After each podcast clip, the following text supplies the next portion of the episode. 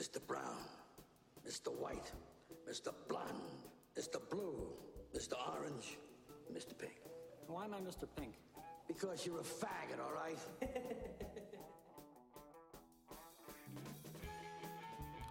Hola a tots, ja estem gravant el capítol 29 del Reservoir Jocs.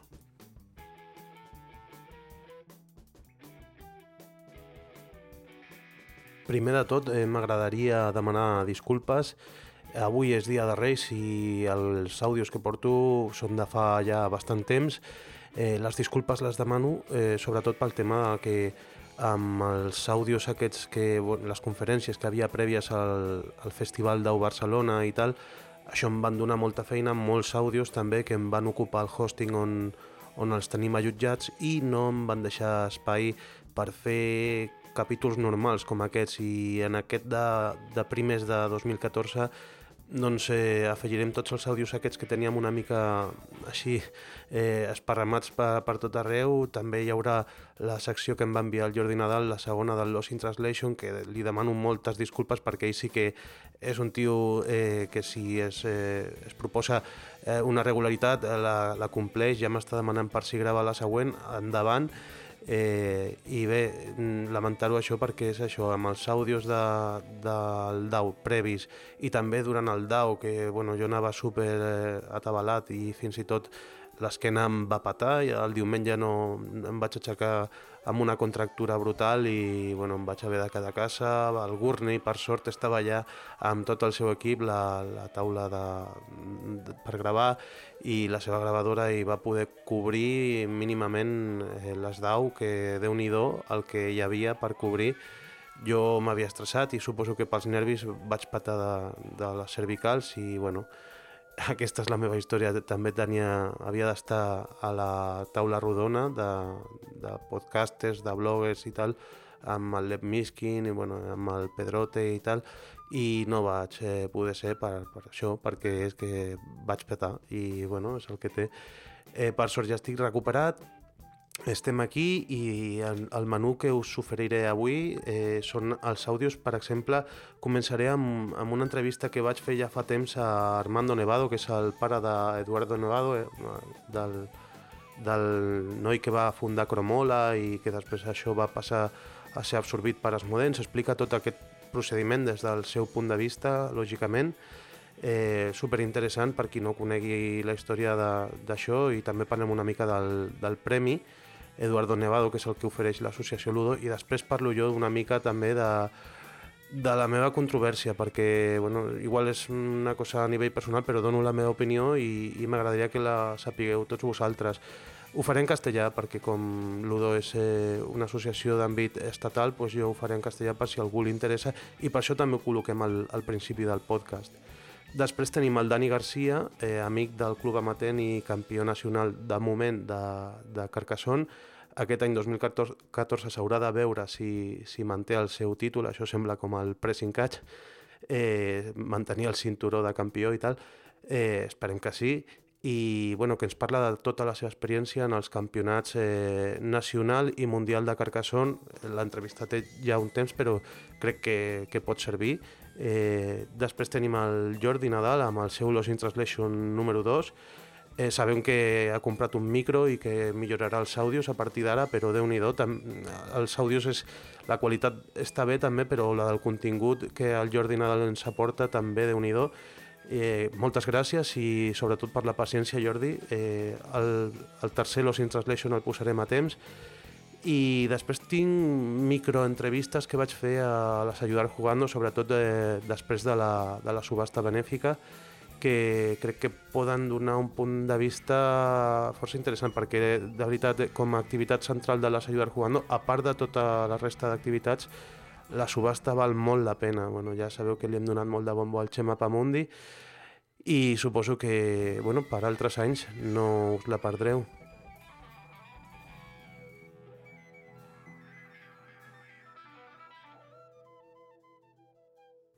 Yo no, no tuve la suerte de, de conocer en persona a Eduardo Nevado, ni tampoco conocía de antes a Armando Nevado, a su padre.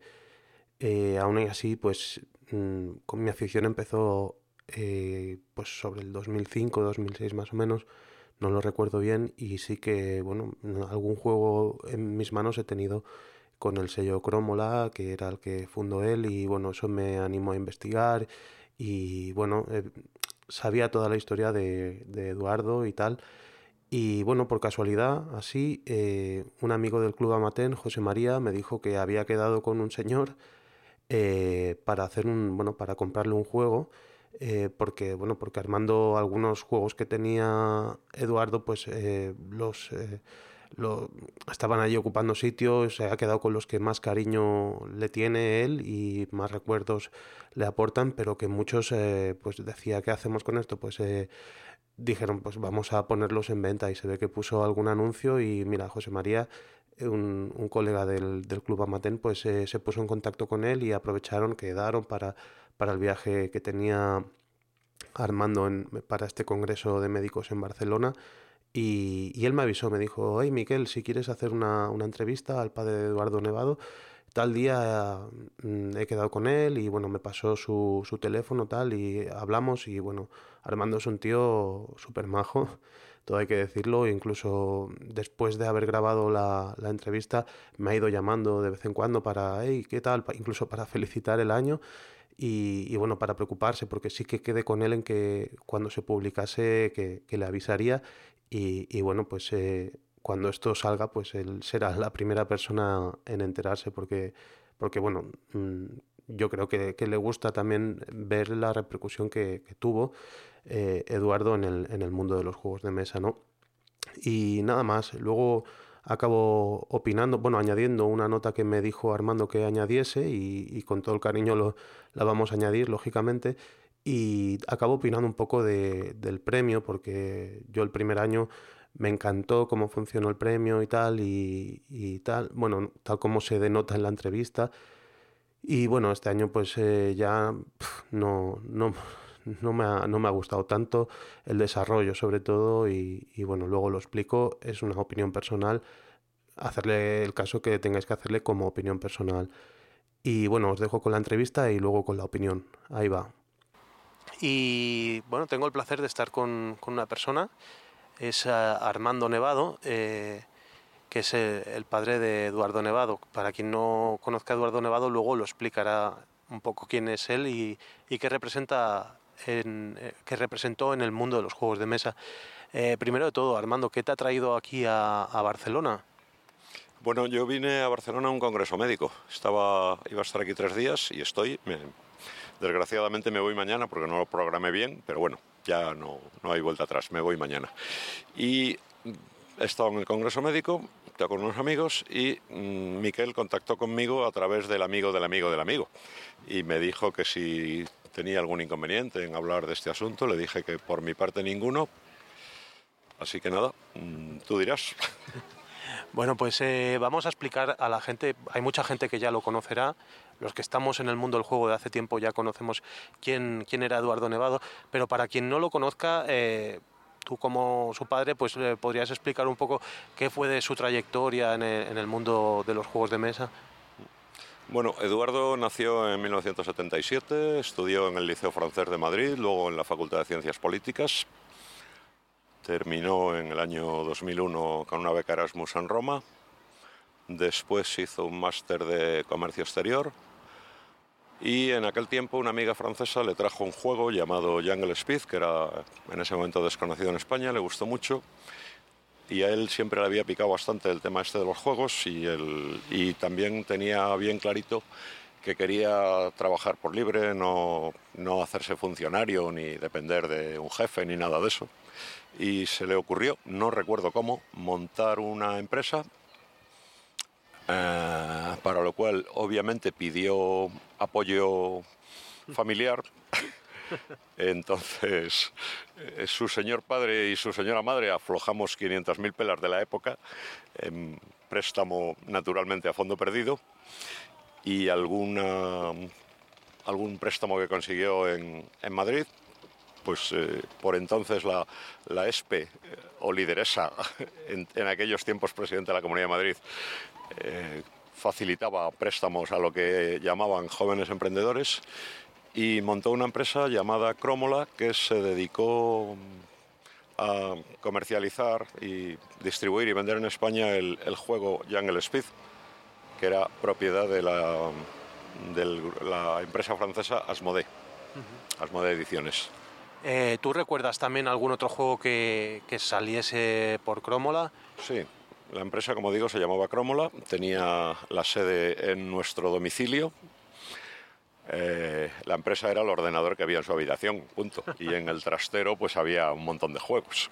Los primeros fueron Jungle Speed, luego que yo recuerde Time's Up, Los Hombres Lobo de Castronegro, que fue, él hizo la edición en español, que recuerdo que yo le ayudé a hacer el texto en español, pues traducido del francés me parece que era y alguno más. El Bank, creo, no me acuerdo muy bien. La empresa Cromola duró cuatro o cinco años porque él tenía la, exclusiva, digamos, para distribuir en España los juegos de Asmodee durante cuatro años. Cuando terminaba el contrato, los de Asmodee vieron que la cosa de ventas había ido bastante bien y decidieron vender ellos directamente en España. Entonces le dijeron a Eduardo que si quería integrarse con ellos, y que si se integraba bien y si no se integraba, pues que lo iba a tener crudo, porque claro, ellos eran una empresa potente. Entonces él lo pensó bien y optó por dejarse absorber por Asmodee. De tal manera que Crómola como tal desapareció y se transformó en Asmodee Ibérica.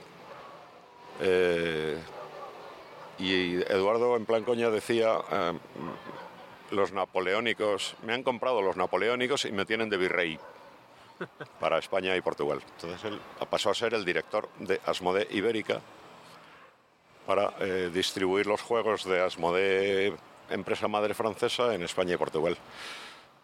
Después de los juegos iniciales, cuando todavía salían con el nombre Crómola, pues eh, la cosa se expandió mucho y empezaron a comercializar otros muchos juegos. Y entonces eh, él, eso, esas 500.000 pelas invertidas eh, fueron bien invertidas porque luego también buen sueldo y bueno, era, era directivo, ¿no? Sí. Sí, sí, fueron bien invertidas. Obviamente yo no las volví a recuperar. fueron bien invertidas porque, pues no sé, luego Cromola lo vendió a Smode, no recuerdo por cuánto, pero vamos. Eh, sí, la inversión fue buena y la empresa tiró para adelante y la cosa fue bien. Lo que no fue bien es la salud de Eduardo, que tenía una enfermedad crónica que se deterioró mucho y murió en el 2009, 7 de julio, San Fermín, en lista de espera de trasplante de pulmón. Pero vamos, la parte empresarial fue francamente bien. Eh, bueno, eh, la gente igual tampoco lo sabe, pero eh, hay una asociación de creadores de juegos de mesa que reúne a autores y también a ilustradores, incluso también a algún traductor de, reglamentos, que está dando un premio que tiene el nombre de tu hijo supongo que vosotros, la familia, lo sabíais porque Ludo se puso en contacto con vosotros.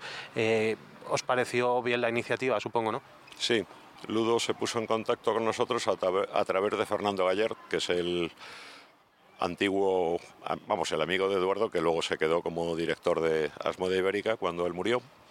Y Fernando Galler nos preguntó si teníamos algún inconveniente en que Ludo y propusiera el nombre de, pusiera el nombre de Eduardo Nevado para el premio y dijimos que obviamente ninguno. Nos pilló de vacaciones al otro lado del mar. Bueno, pues nos comunicamos por email, dijimos que adelante y no, no hubo ninguna pega. Lo único que luego no, no, supimos al final, vamos, yo me enteré de a quién le habían dado el premio Ludo, el premio Eduardo Nevado, a toro pasado. O sea, no sabemos, no supe más. Bueno, podéis estar tranquilos porque, bueno, yo estaba entre la gente, porque soy miembro de Ludo, de los que votábamos a, a qué, porque se suele dar a una persona, a una asociación o a una empresa que, que difunde el mundo de los juegos de mesa tan bien o intentándolo hacer también como, como lo llegó a hacer tu hijo. Eh, y este año, eh, el, último bueno, el último premio, el primero que se ha dado de momento, fue a la Asociación Benéfica Ayudar Jugando, Asociación Barcelonesa. Y, bueno, eh, yo creo que está súper bien pues otorgado y ojalá que el espíritu siga siendo así, ¿no? Porque eh, realmente yo creo que es un poco la ilusión también que con la que lo vivía tu hijo, ¿no? El mundo, este mundo de los juegos de mesa. Sí, sí, hombre, y para nosotros fue un orgullo que le pusieran su nombre a un premio, evidentemente. Luego sí, quería comentar una anécdota curiosa que me pasó. Yo estaba entonces de vacaciones en Brasil, cuando me llegó el mail de Fernando diciendo lo del premio Eduardo Nevado y tal. Y lo, difundí entre mis contactos, desde mi iPad, allí, desde el otro lado del mundo. Y dio la casualidad que una compañera mía mmm, entró en la página web de Ludo pero por un motivo absolutamente diferente y mucho más triste, y es que ella tiene un hijo con ludopatía y pensó que Ludo tenía algo que ver con alguna asociación de padres o hijos o hermanos de ludópatas y ya le, comenté que no. Claro, luego al volver de mis vacaciones hablé por teléfono con ella y ya estuvimos un buen rato charlando y, y fin, dando las explicaciones oportunas, pero previamente por email ya le conté que, que absolutamente nada que ver con la ludopatía.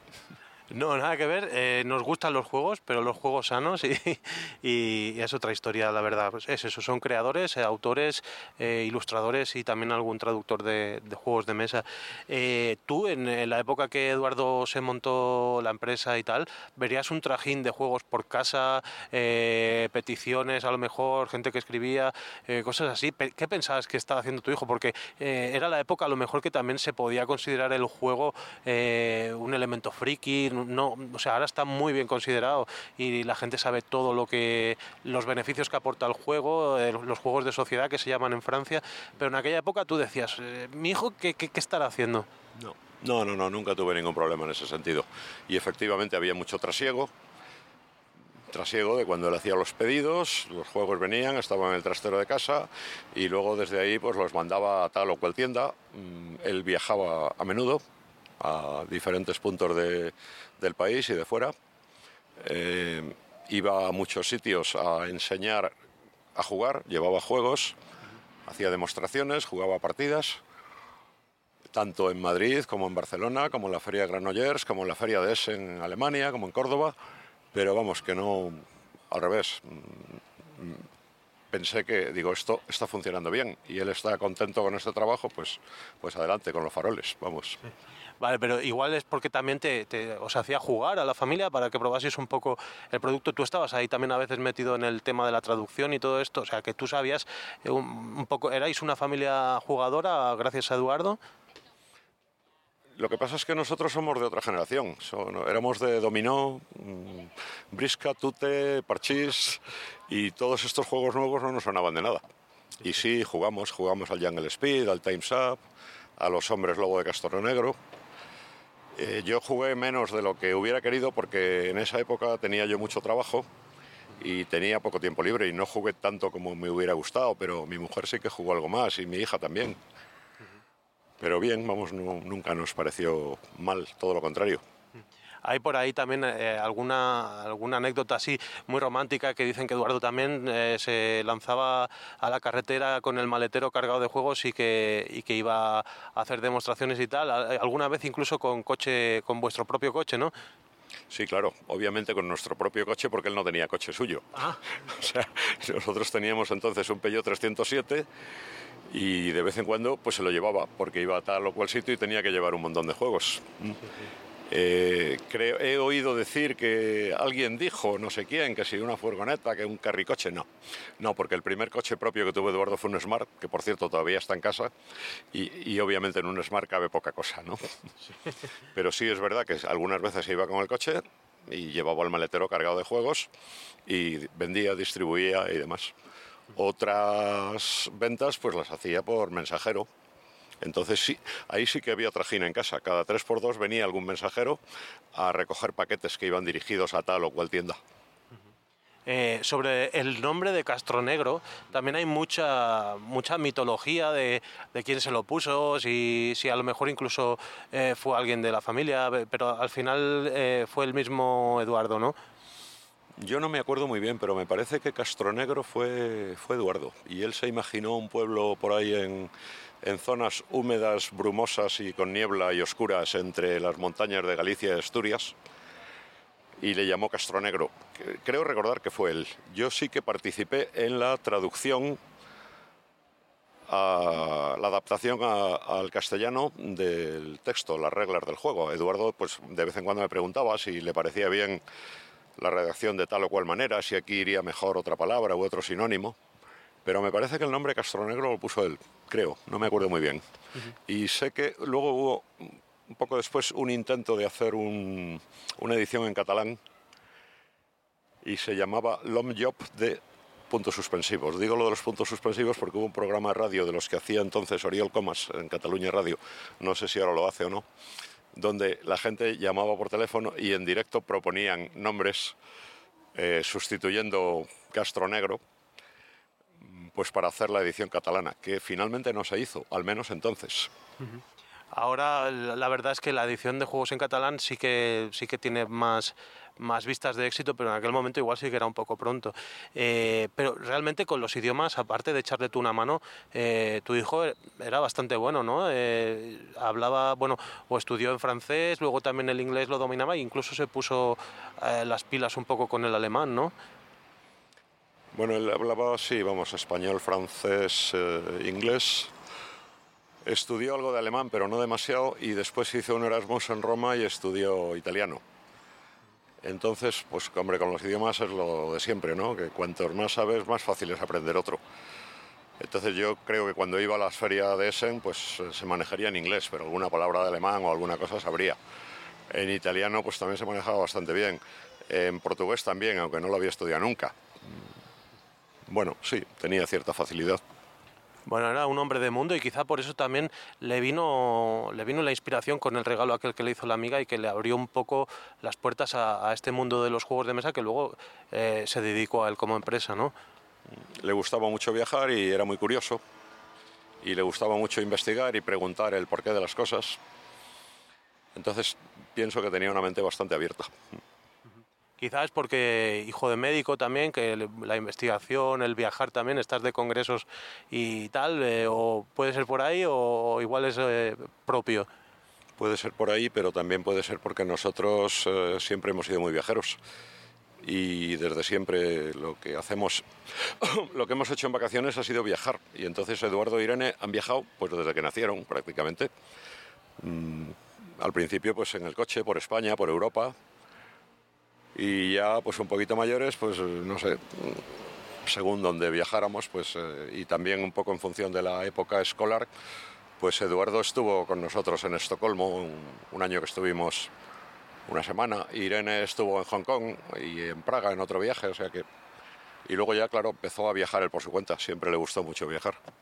Bueno, pues ahí lo dejamos, los viajes y los idiomas como inputs culturales que, mira, al final te, pues, te pueden descubrir una oportunidad de negocio. ¿no? Eh, muchas gracias por, por haber venido a Barcelona y por haber explicado un poco esto. Esperamos que quede más claro quién era, quién era Eduardo Nevado, también que la gente entienda por qué se da ese premio eh, y también eh, cuando se diseñó el premio era también con una idea de doble homenaje, un homenaje a, la entidad, a la empresa o a la persona que se le da, pero que cada año también se reconozca un poco la labor que, hizo tu hijo en España. Pues muchas gracias. Para mí es un orgullo que el premio lleve su nombre y no sé si queréis conocer algún detalle más, estoy dispuesto a contar lo que sea menester. Pues muchas gracias, Armando. De nada, buenas tardes.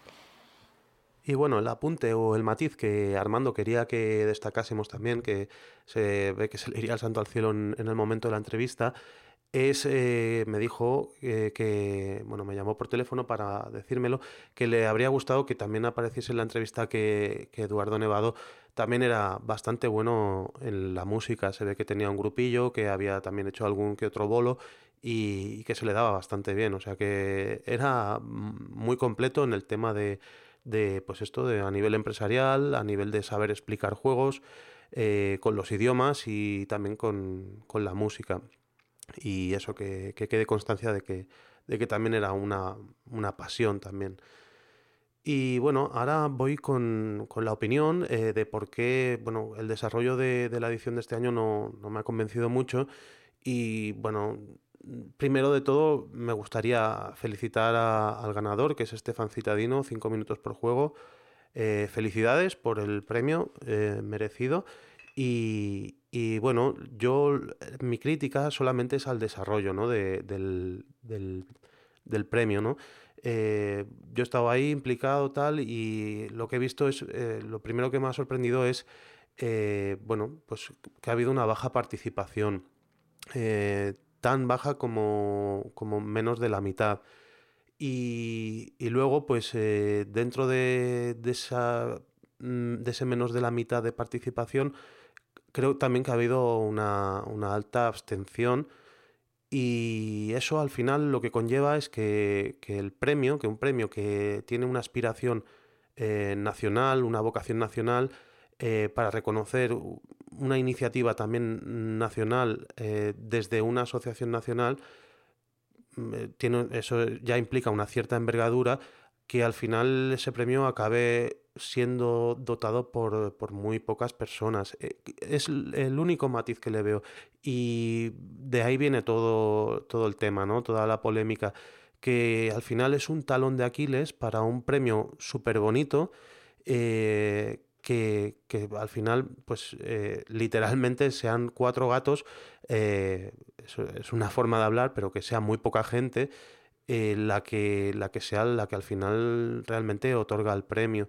Y ahí hay peligros, ¿no? está el peligro de que, bueno, de que se pueda dar mejor o, peor o lo que sea, pero yo es la crítica que hago. Y me gustaría, ya desde aquí, como ex miembro de Ludo, eh, a los que todavía siguen siendo miembros, eh, animarles para que en próximas ediciones la participación aumente, ¿no? Porque cuanto más participativo es, es, una cosa de estas, más participativa es una cosa de estas, al final eh, más voces interactúan y, bueno, los resultados al final acaban siendo también eh, más eh, unánimes y, bueno, se, diluye ahí un poco pues la sombra de la duda de que, de que bueno, que, haya sido muy poquita gente la que decida una cosa que, pretende ser nacional y, que tiene una envergadura bastante grande, creo yo, eh, para este segundo año. Yo la primera... primera candidatura, bueno, la candidatura que ganó el primer año que se hizo, ayudar jugando, creo que, que, bueno, que es indiscutible y tal. Y aquí, pues eso, solamente matizar eso que, es con más participación, pues eh, sería a lo mejor más, justo. Y luego la pena también eh, que me ha dado el premio de este año es que, que bueno, que hay un colectivo ahí eh, que me gustaría nombrar, aparte del ganador, Estefan Citadino, que también pues tiene ahí gente que le hace voces en off, eh, gente que le está aguantando la cámara también, eh, que propone ideas, como lo de los MacTV, que es idea de Ribo, que, bueno, que con una candidatura unitaria y bueno, pues más inclusiva, pues habría visto también refleja, se habrían visto también reflejados en el premio. Pero bueno, no sé, aquí, por ejemplo, eh, me lo han hecho ver también, por ejemplo, ahora hablaba con Eneida que en, en Cataluña también se le ha llegado a dar un premio a, al Cap de Colla de, los castellers de, de Vilafranca de Penedés, representando también a un colectivo muy grande. Pues eh, supongo que este año pues eh, la cosa habrá sido así. Le ha tocado a una persona, pero que representa a un colectivo.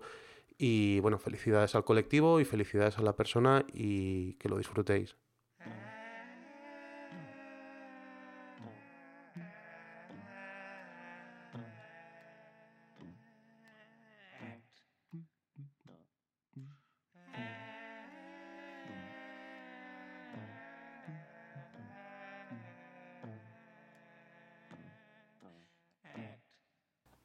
Estic amb el, amb el Dani Garcia, que és el, el vigent campió d'Espanya de Carcassonne, i justament va anar el cap de setmana passat a, al Festival Internacional de Jocs eh, d'Essen a Alemanya, eh, representant a Espanya eh, eh, per fer un paper al, al, al campionat de Carcassonne, al Mundial.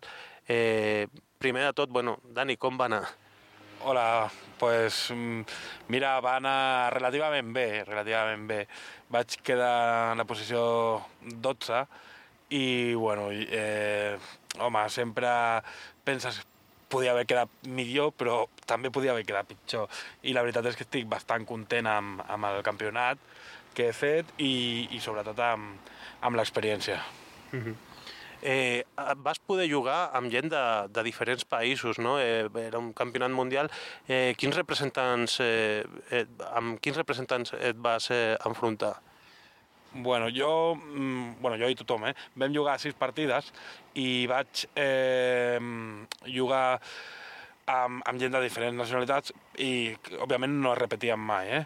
Eh, jo les meves partides vaig jugar amb, amb l'australiana, amb el belga, amb el canadense, eh, amb el uh, holandès, amb la islandesa i amb el búlgar. Vaig, aquests eren els, els tres meus. Però com era un mètode suís, pues, eh, clar, s'anava anivellant per, per, per partides guanyades i perdudes, llavors que, que sempre tenies un, una igualtat i, i, i llavors per això no es podia repetir. Mm. Vull dir, estava, estava, estava ben, ben parit. El... Eh, has parlat del mètode suís. Eh, nosaltres hem anat junts a, alguns campionats que, eh, on s'utilitza el mètode suís. També vam estar al Nacional a Madrid junts i també allà utilitzant el mètode suís. Però d'aquest campionat mundial de Carcassonne eh, tu has vist algunes coses eh, diferents de, dels campionats que, que fins ara hem anat i que fins i tot dius que t'han agradat, no? Que podries explicar-les? Sí, sí, tant. Eh, bueno, el, el primer que, que ens trobem en aquest torneig és que és, eh, sempre és un un contra un. És, eh, mai es juguen partida de quatre jugadors i, i llavors eh, a mi personalment m'agrada molt més l'un contra un perquè penso que és, eh, és més just a l'hora de, de jugar perquè en una partida de quatre sempre mm, et trobes un escenari diferent, no controles tant i llavors en les partides d'un contra un sí que penso que la capacitat de cadascun pues, sí que influeix en aquest cas. Hi ha sort, com, com, com és evident, però, però s'anivella molt més això, que, que un sigui bo o un sigui dolent. I, bueno, hi van haver moltes més coses. Eh, una altra cosa que em va impactar molt és que hi ha eh, un rellotge eh, de temps i amb aquest rellotge, o sigui, i cada jugador té 15 minuts per, per fer la seva partida. Eh, en un principi això pots dir, oh, pues 15 minuts, és poquet, no sé què, però la veritat és que penso que és el, el temps ideal per, per fer una partida de Carcassonne i evitar que la gent pensi molt, es compti les fitxes i, i fa que la partida sigui molt fluida i, i bueno, jo, jo vaig trobar perfecte això. I a més a més hi ha, hi ha una, altra, una altra cosa que, que tampoc estem acostumats aquí a, a veure-ho, és que els castells eh, tancats eh, costen, valen 4 punts, quan aquí cost, eh, el, el seu cost és de 2. Vull dir que, que és, això sembla que, que sí, bueno, dos punts més no, no, no passa res, però penso que canvia molt la dinàmica del joc perquè, clar, ara eh, tancar un castell de dos o tancar un de tres o de quatre eh, val el mateix, o sigui, tens el mateix benefici. Llavors la gent eh, juga a fer mm, castells petits, el que fa que els grangers doncs, adquireixen una importància més gran que, que en el carcassó normal que juguem aquí. Uh -huh. Eh, o sigui, eh, els rellotges d'escacs eh, limitaven els 15 minuts de temps de cada jugador. Això assegurava que, que les partides, com a molt, duressin mitja hora. Eh, va haver alguna partida que, que va perdre algun jugador per límit de temps? Eh, penso que hi van haver unes quantes. Ara, a, certament sé d'una, d'una sí que estic segur perquè mm, va ser el company mexicà que, que la primera partida es va quedar sense temps i, i així ho vam parlar i m'ho va comentar que, que es va despistar i quan, quan es va donar compte eh, el rellotge li, li, va, li va saltar i llavors ja no podia fer res. Automàticament perds la partida eh, quan passa això. I, i bueno, mm, jo amb una de les partides, amb el, amb el, amb el representant de Bèlgica, eh, sí que és veritat que, que el, el noi va estar a punt de complir el temps, estava molt just. Per al final no, no, no va ser així, però, però es va quedar a molt pocs, uh -huh. molt pocs segons. Eh? Uh -huh. O sigui que el mexicà l'anàlisi-paràlisi el, el va trair, no? sembla que sí, sembla que, que va, va, li va passar, però penso que és més eh, la falta de costum que, que l'anàlisi, que potser com no estem acostumats a, a aquest tipus de lloc o a tenir que donar-li el rellotge quan, quan acabem el, el nostre torn, doncs va fer que es despistés, però realment el temps és, és, és bo per fer la partida. No... A mi no em va faltar temps mai. No. I després, eh, els, eh, la manera de jugar de la gent, nosaltres hem estat en campionats i la gent agafa les peces eh, molt aviat per pensar, a vegades hi ha taules que es pacta que no s'agafa fins... Eh, eh, tu culturalment, clar, perquè vas jugar amb gent de, de, de, de diferents països, eh, eren també així d'agafar les peces molt aviat, com es fa normalment als campionats d'aquí, o, o, o eren més tranquils? Bueno, eh, la norma del torneig era que tu podies agafar la, la peça abans Llavors, hi havia gent que... No, en general tothom l'agafava abans. Jo, per exemple, a mi m'esperava més, no, era, no l'agafava corrent, vull dir que, que pensava una mica i, i l'agafava. Però sí que vaig veure gent que, que sí que, que, que és el que tu dius, eh? tenia una mica de pressa per agafar la, la, la peça.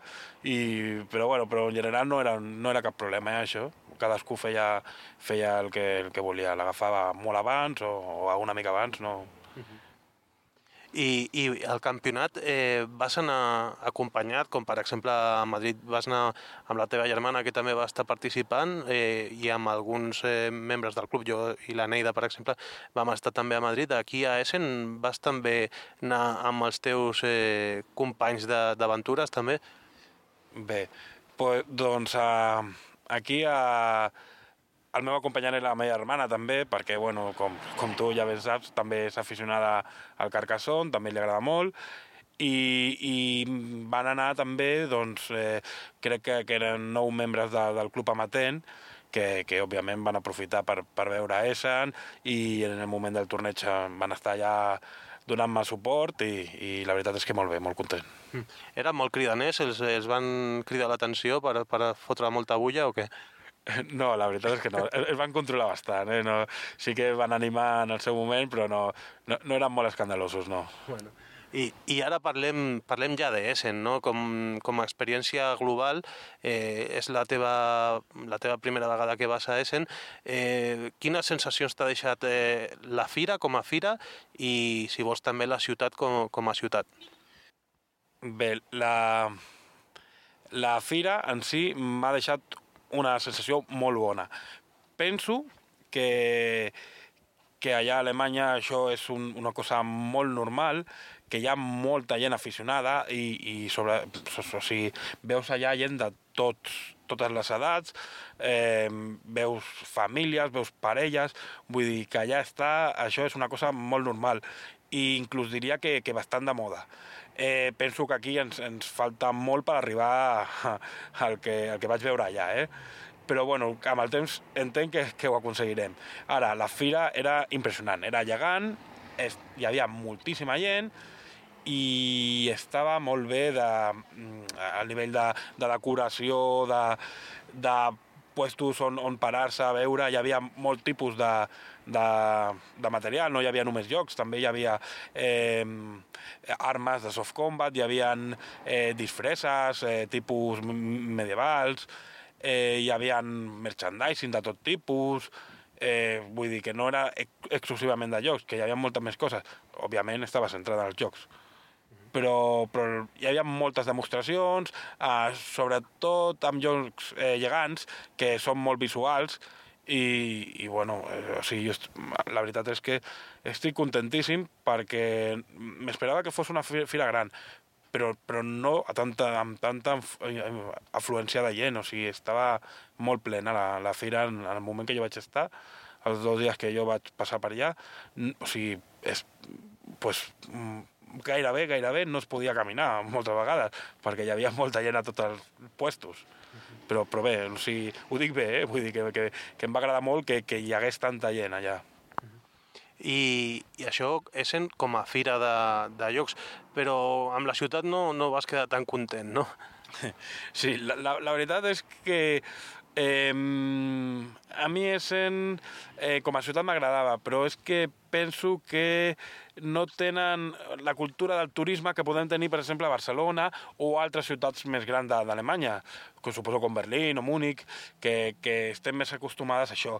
Penso que deixa molt que desitjar eh, els transports públics, eh, la informació, que sí que és, és veritat que a Essen eh, amb l'anglès et mous molt bé, però fora d'allà, eh, almenys t'ho dic des de la meva experiència, eh, no, no sé si més gent que ha anat allà su, ha tingut més sort o no, no sé.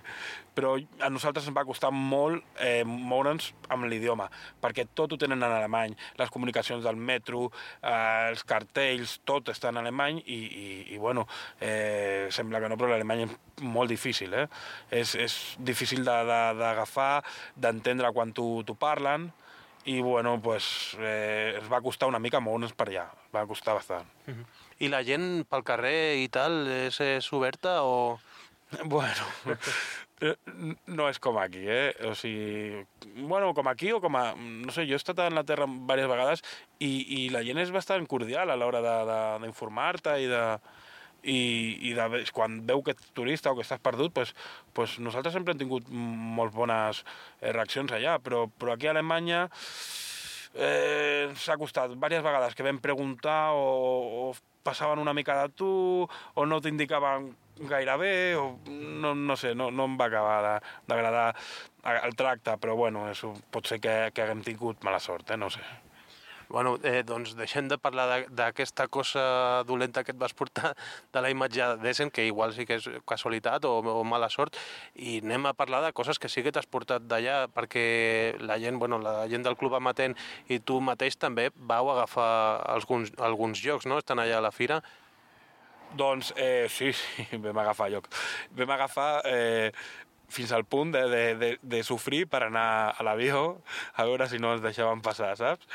Però bueno, sí, sí, vam agafar i, i sobretot el que veiem que estava molt bé era, era el preu. El preu era, estaven bastant eh, rebaixats els jocs que, que normalment pues, aquí allà et poden arribar a costar el 50% menys. I, i bueno, l'únic inconvenient que pots trobar és que si el joc és molt dependent de l'idioma eh, no, no el trobes en castellà, però en castellà o en català. Però bueno, el, si és en anglès i és un joc així mitjanament, ho pots adquirir bastant bé. I bueno, sí, ens van portar uns quants. Sí, sí, la veritat, no sé si vols que, que sí. et digui... Pues mira, el, a part d'alguns bàsics com Carcassonne o, o Catan, que estaven molt bé de preu, eh, jo em vaig mm, portar el, el Pastrap, que és un joc de fusta eh, que realment, a part de, de, de, dels diners que t'ahorraves, perquè sí que, sí que és veritat que, que l'estalvi era bastant, bastant gran comprant-no allà, és un joc que sempre ens ha agradat i ens va fer molta gràcia i si no aprofitem en aquesta ocasió per agafar-ho, segurament aquí no, no ho farem. I llavors, doncs, mira, ens vam llançar per aquest joc. I alguns més que vam veure bé de preu i que, mira, ens van creure una mica. Eh, i algun joc de nens per regalar als, eh, als nens de la família i, i, i això entre les coses que t'has portat, eh, jo ho he vist perquè avui l'hem obert aquí els dos, és el, aquest carcasson nou que si surt en castellà eh, crec que es dirà Los Mares del Sur o, o una cosa així, i, i aquest per què? Eh, el vas comprar o te'l van regalar o com va ser la cosa? Bueno, el, el, el vaig comprar. Eh, la veritat és que estava bastant barat, eh? per, per ser un carcasson costava 14 euros, estava, estava bé de preu. Eh, bueno, eh, sent de la, de la saga Carcassonne, és, és quasi, quasi obligat que, que l'havíem de comprar, no? Però a més a més em sembla, em sembla que, el, que el lloc està molt bé perquè la imatge és molt cridanera, eh, té el factor aquest que, que té com unes, unes petites peces de, de fruita o, o de peix i, i penso que segurament li dona un gir a tot el que és el sistema Carcassonne i mira, volíem provar a veure si tenia aquest factor més de recursos, a veure com podia funcionar dintre de, de, de la dinàmica Carcassonne. Uh -huh. Expliquem que segurament sí que acabarà sortint en castellà per Debir, perquè eh, la llicència Carcassonne la té Debir i, i l'acabarà traient segurament, eh, i que, bueno, que està fent ara Carcassonne una mica com està fent Catan, que ha sortit lo de eh, colonos de, en Amèrica, colonos en Europa, i aquest estan fent que diuen que serà un joc a l'any eh, per diferents zones del món i aquest eh, ha tocat una mica com el Carib, no? Sí, eh, jo personalment estic content de que passi això, de que cada any puguis comprar-te un carcassonne nou d'arreu de, del món penso que, que és una bona idea. Sí, sí que és veritat que potser és ja aprofitar tot eh, l'univers Carcassonne, tot el que té muntat, però bueno, a mi, a mi no em disgusta, és, és com, com tot, ningú t'obliga a comprar-ho, si vols el compres, si no, no, i bueno, jo seré dels que el comprarà segur, això està clar, i, i principalment m'agrada, m'agrada que, que facin això. Eh, som, nosaltres som molt fans de, del Carcassonne, no? Sí, sí, la veritat. Jo, per mi és el, el, el meu lloc favorit. Hi ha altres que m'agraden molt, però, però lo del Carcassonne va ser amor a primera vista i, i sempre, sempre serà el meu lloc favorit. Sempre. Ara, ara li estàs donant una mica també al Catan, no? Eh, sí, la, la veritat és que amb la família juguem molt, molt al Catan. I és un joc que li, li... al principi no, no em va agradar, però, però ara amb el temps li, li he agafat el, el gustillo i, i la veritat és que juguem bastant, que, que m'agrada, m'agrada la dinàmica. Sí que potser ho comentàvem, lo, lo de eh, la negociació és el tema que menys m'agrada, però penso que, que no és un factor de, decisiu en el joc. Vull dir, sí que és veritat que, que pot influir, però no, no en excés. Vull dir, hi ha altres maneres de, de fer que la negociació quedi més en segon, en segon terme i, i poder tirar cap endavant jugant. I sí, sí, m'agrada bastant, crec que tant. Doncs eh, prepareu-vos perquè en propers campionats de Catan la família Garcia eh, igual ve forta, no? segurament, segurament que estarem per allà eh, a Catanya a Carcassonne, eh? no, no, no deixarem de costat. I segurament estarem a, a on ens, pu en, ens puguem apuntar, estarem allà, sempre. I de, ara que parles dels campionats de, de Carcassonne, eh, no sé si, si igual et vols mullar i dir, eh, perquè has participat en, en molts, eh, quins són els que més t'agraden, per exemple, eh, de tots els que has participat? Bueno, per...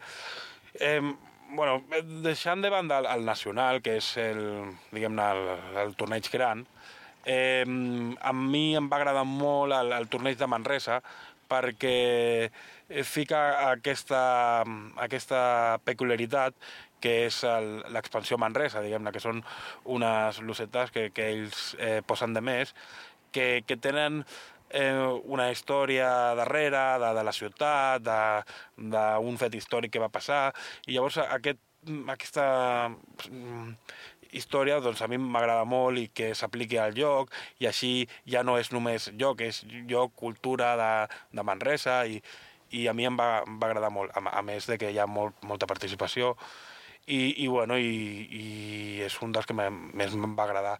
Els altres tornejos, pues, eh, bueno, no, sempre hi ha, penso que hi ha dos, mm, definides dos tipus de tornejos, que és un el, el de botiga i un altre el de, el de fira, i, i bueno, el, el de botiga potser és una mica més exclusiu, has d'anar a, la, a la botiga, a jugar-lo, i, i el de fira pues, pots aprofitar per, per estar a la, a la fira que sigui en concret i, i jugar-lo. Bueno, no diré que no m'agrada ningú perquè m'agraden tots, o sigui, uh -huh. no hi ha problema per això. Uh -huh. Doncs, eh, bueno, ara veiem que tenim un expert en, en campionats de Carcassonne i que és el campió d'Espanya de, i que és Vicentí, a veure si amb el club amatent i amb el suport de l'Ajuntament de Sant Vicenç dels Horts podem muntar el torneig aquí a la població i segur que s'animaria molta gent també per poder jugar contra tu, si podem participar els organitzadors, no? Doncs, doncs estaria molt bé que, que, que una iniciativa d'aquest tipus eh, sortís en, endavant. La veritat és que per, per al Correllocs l'Ajuntament ens va ajudar bastant, ens va... Mm, ens, o sigui, ens van donar bastantes facilitats a l'hora d'organitzar-ho i, i estaria molt bé crear un, un torneig de Carcassó Vicentí.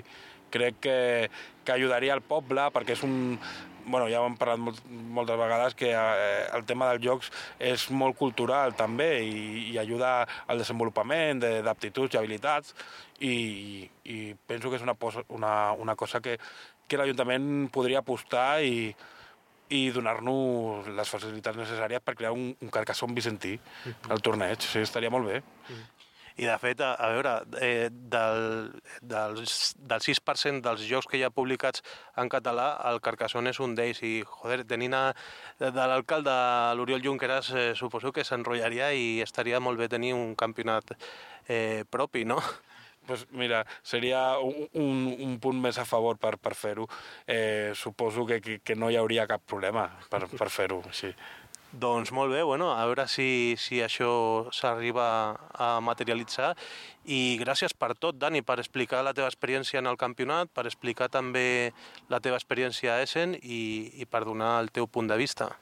Moltes gràcies a tu, Miquel, per, per donar-me l'oportunitat de, de fer l'entrevista i, i res, ja saps que ets molt amic meu i que estem aquí pel que vulguis. Que he passat una molt bona estona amb tu aquí xerrant i quan vulguis pues, quedem un altre cop. Gràcies, Dani. A tu.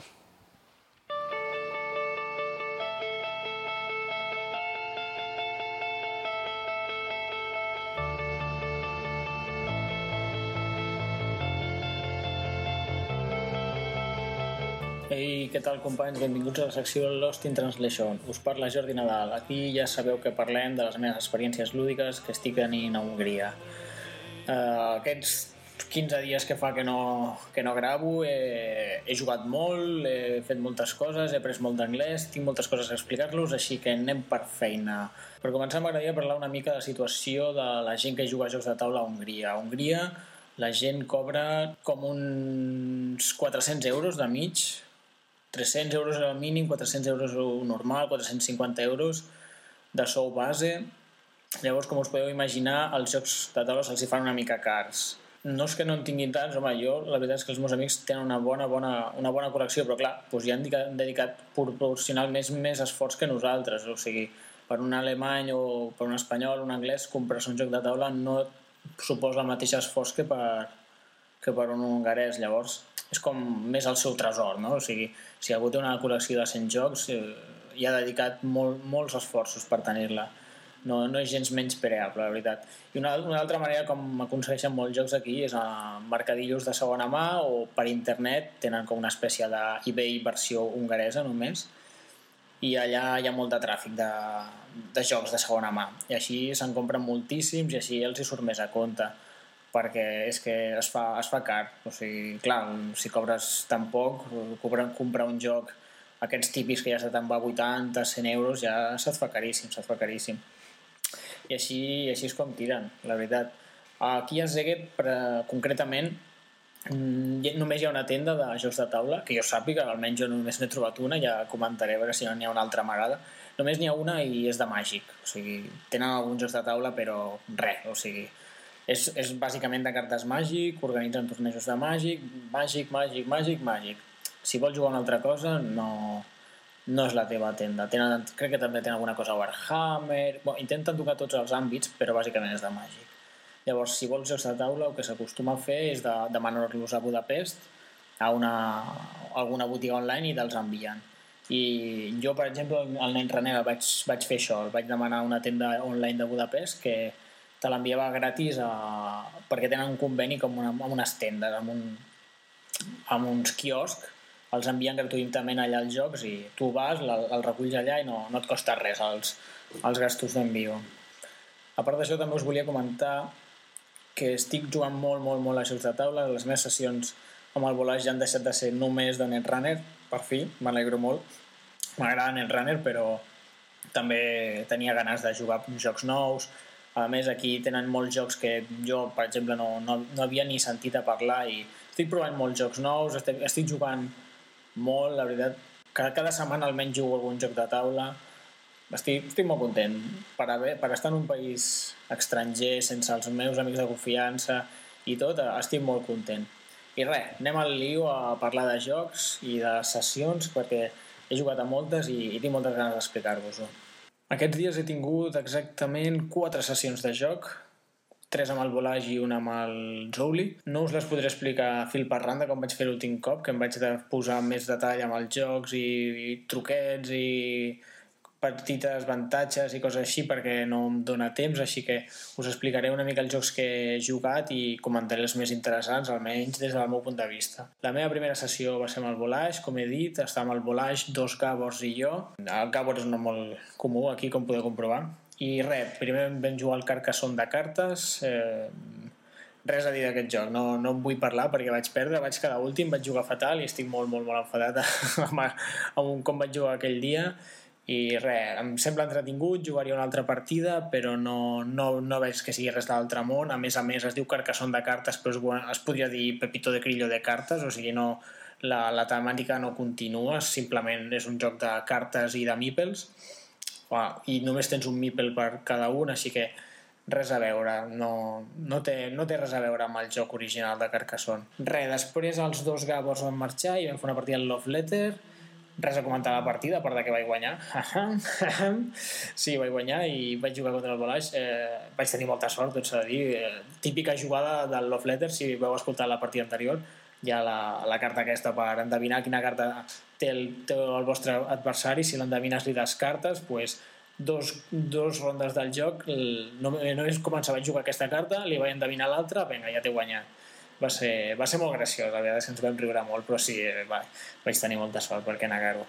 I per acabar vaig jugar al Bauhaus. Aquesta partida sí que m'agradaria comentar-la perquè bueno, el Bauhaus és com és el meu anfitrió, o sigui, sempre que vaig a una partida de jocs de taula m'agrada portar-lo i és super fàcil d'explicar, us ho recomano molt si heu de jugar amb gent estrangera o si heu d'anar a un altre país, porteu al Bauhaus. S'explica en 10 minuts, super fàcil, i a sobre és que va jugar amb el Polaix i es va mirar 5 minuts les regles ell, que no parla castellà, zero, o sigui, no parla res, res, res, es va agafar les regles, se les va fullejar només mirant les fotos i ja va entendre com es jugava. O sigui, és que és super senzill. El Bauhaus, per si no sabeu com es juga, en Miquel a, en un altre podcast, no sé quin exactament, ja, ja n'ha parlat, així que si voleu saber com es juga i tal, pues, us l'escolteu i prou, però res, només comentar això, que s'explica super ràpid, en un moment ja estàs jugant, té molta interacció entre jugadors, està molt interessant. A mi m'estava funcionant superbé aquí a Hongria. A més a més, si algun dia m'avorreixo i vols fer una partida només doncs amb la meva parella aquí a casa a jugar, per dos funciona superbé i per tres i per quatre és més aleatori. Quan jugues dos és molt, és molt estratègic i quan jugues tres o quatre és més aleatori, però bueno, el rius, tu passes bé, foteixes molt als altres jugadors, és molt entretingut, no sé, m'està funcionant molt bé i, i ho volia comentar. Vaig jugar amb el, amb Volage i també vaig poder jugar amb en, amb en Zouli, amb els meus companys de pis.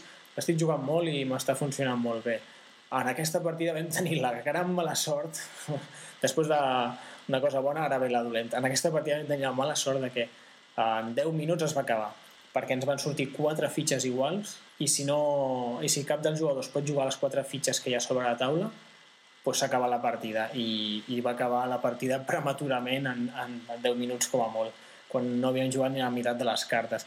Eh, justament li vaig enviar un, un correu als creadors del joc i em van comentar que, bueno, que això a vegades passava, però que és una cosa tan rara que no ho vam voler fer una, una regla per, per intentar-ho arreglar, que és una cosa super rara que passa, jo què sé, que han fet centenars de partides i els ha passat menys de 10 cops, pues que no, no, és, no és remarcable. Llavors, res, no, no s'han ni molestat a fer una regla a. Vam tenir molt de mala sort, però el Volage li va dir, me'n va dir que li havia agradat molt el joc i que ja faríem una altra partida.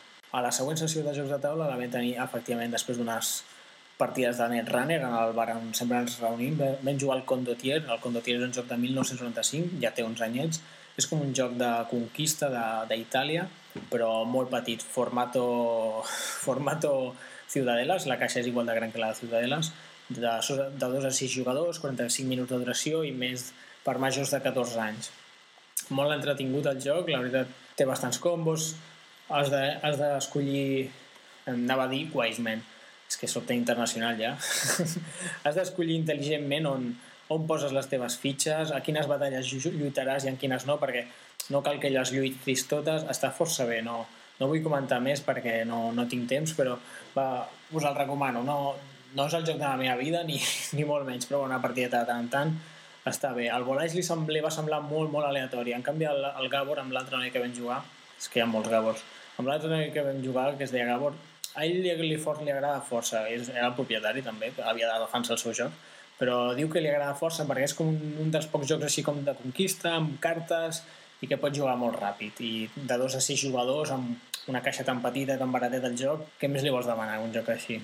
Després, no vaig jugar, però vaig tenir la sort de poder observar una partida a un joc molt popular hongarès. És un joc tipus màgic, es diu bueno, té un nom impronunciable, ara no, no, no m'atreveixo a dir-ho, però dins del nom impronunciable eh, hi ha unes inicials que és M-A-G-U-S, li direm Magus, aquest joc, a partir d'ara, entre amics catalans, li direm Magus, aquest joc. Té un altre nom, és més llarg, no, no el sé pronunciar, però bueno, Magus per als amigos. Pues vaig veure una partida del Magus aquest, ja me n'havia parlat amb Volage, que era un joc molt popular aquí. De fet, en el mateix bar on ens reunim a jugar a jocs de taula sempre hi ha quasi sempre hi ha gent d'aquesta jugant, doncs ens vam acostar i vam mig explicar una mica com, com es juga. Perquè us feu una idea, és un joc tipus màgic, o sigui, és un, crec que és un living card game, uh, però amb la diferència que també hi ha daus. O sigui, quan ataques i aquestes coses ja has, has de tirar daus, o sigui, hi ha hand management, que vindria a ser alguna així com no sé, gestió de mà, és una... se m'havia oblidat completament té gestió de mà, o sigui, has de controlar les cartes, quines baixes, quines no, ho típic, tipus màgic, tipus qualsevol joc de cartes, i a més a més una mica aleatorietat amb els daus i, i tal. Aquest joc està basat en un joc molt popular hongarès de rol, o sigui, hi ha un joc hongarès de rol que és molt popular aquí i van fer la versió de cartes. És molt rapidet, en uns 20 minuts m'han dit que fan les partides i ells fan els seus propis campionats i tal, i bueno, semblava bastant interessant. Uh, si a algú li interessa el tema, vindria a ser molt, molt tipus màgic. Hi ha un mag, l'altre mag, amb la diferència que en lloc de matar-los, de destruir com una torre, que són unes cartes que les escolleixes, o sigui, ja venen predeterminades la teva baralla, doncs la seva torre és això, i després vas baixant uns homes que defensen la torre i has d'atacar la torre de l'altre. Bueno, com veieu, és força més temàtic que ho ser màgic, que per mi màgic és totalment números i colors, no, no té cap tema. En, a, en, aquest, en aquest joc és molt més important el tema, és bastant... És molt, és molt temàtic, a mi em va semblar interessant.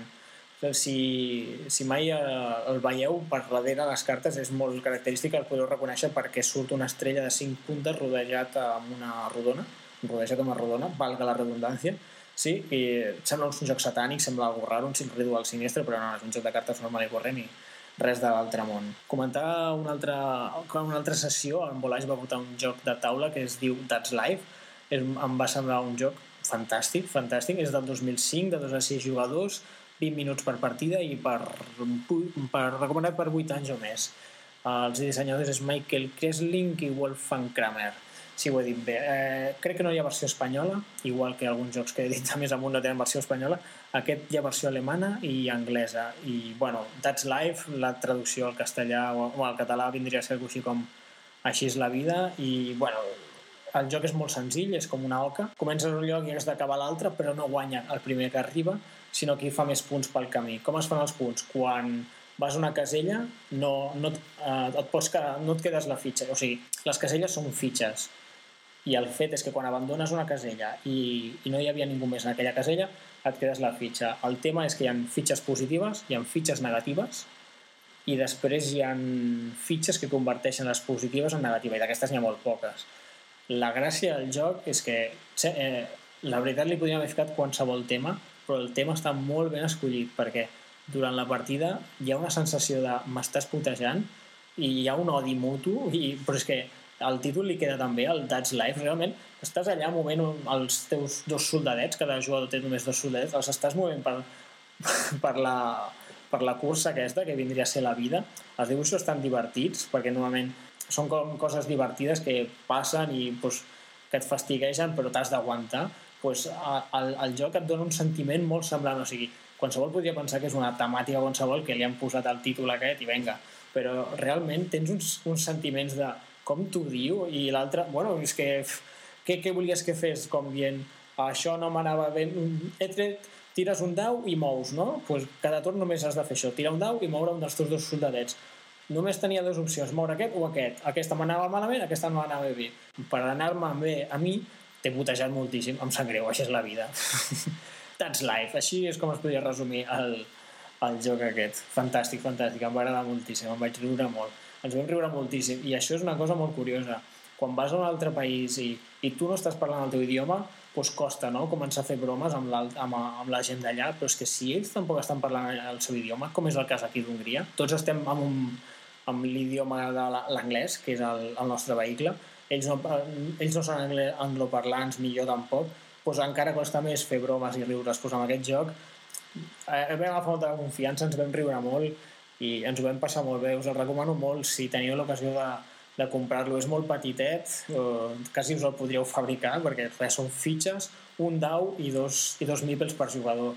Senzillíssim i, i el, la caixa és tamanyo, tamanyo Ciudadelas també, és molt, molt petita, molt petita, està molt bé. I res, l'última sessió de joc va ser amb el Zuli, per variar, un cop al mes ens reunim amb el Zuli i, i els seus convidats en aquesta espècie de club de jocs de taula que, que ha creat.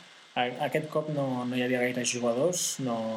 va donar la casualitat que era un cap de setmana que era pont aquí a Hongria i llavors no, no va venir gaire gent per començar vam fer una partida al Bauhaus, eh, érem el Zouli, la seva dona i jo, ens vam, ens vam riure molt, la veritat és que va ser molt divertit perquè la seva dona és la típica jugadora que no li agrada que li toquin les seves coses, no? O sigui, el Bauhaus, eh, estaria bé que us rememoréssiu com a jugar al Bauhaus en un, del, en un podcast antic del Miquel Jornet, pot haver-hi molt de puteig, la veritat. Eh, has de rodejar les teves fitxes amb unes valles, però el que també pots fer és que els altres no aconsegueixin rodejar les seves o rodejar-les perquè només facin pocs punts. Llavors, toca molt els nassos que et facin això. I la, la, la dona del Joli, que no recordo com es diu, per cert, no, no li agradava gaire que li fessin això. I jo no parava de fer-li i, i se les va emprenyar una mica, però bueno, dins del bon rotllo, però va ser molt, molt curiós. I a més el Joli és el típic jugador que, clar, tenint una dona així, doncs, ja directament és que no li agraden els jocs que són de molt, molt conflictius, que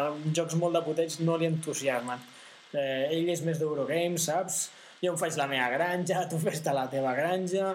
Llavors li agrada el fet aquest de l'agressivitat passiva, que vindria a ser pues jo faig aquesta acció i tu no la pots fer, és el, tipus de, és el tipus de joc que li agrada més a ell. I això de fer puteig tan directe com el Bauhaus no, no, no el feia sentir gaire còmode, però bueno, va ser, va ser molt entretingut veure com es, de, es va desenvolupar la partida. Que per cert, va guanyar la dona del Zubli, però va ser una situació una mica rara perquè es va donar un kingmaking de, molt curiós. El kingmaking, per qui no ho sàpiga, és bueno, doncs aquella situació típica de tots els jocs de taula que, que un jugador agafa i diu doncs no guanyaràs tu i guanyaràs tu. Kingmaking, doncs a veure qui fa el rei. Doncs jo, a la meva última acció, depengué, depenent on la ficava, guanyava el Juli o guanyava la seva dona.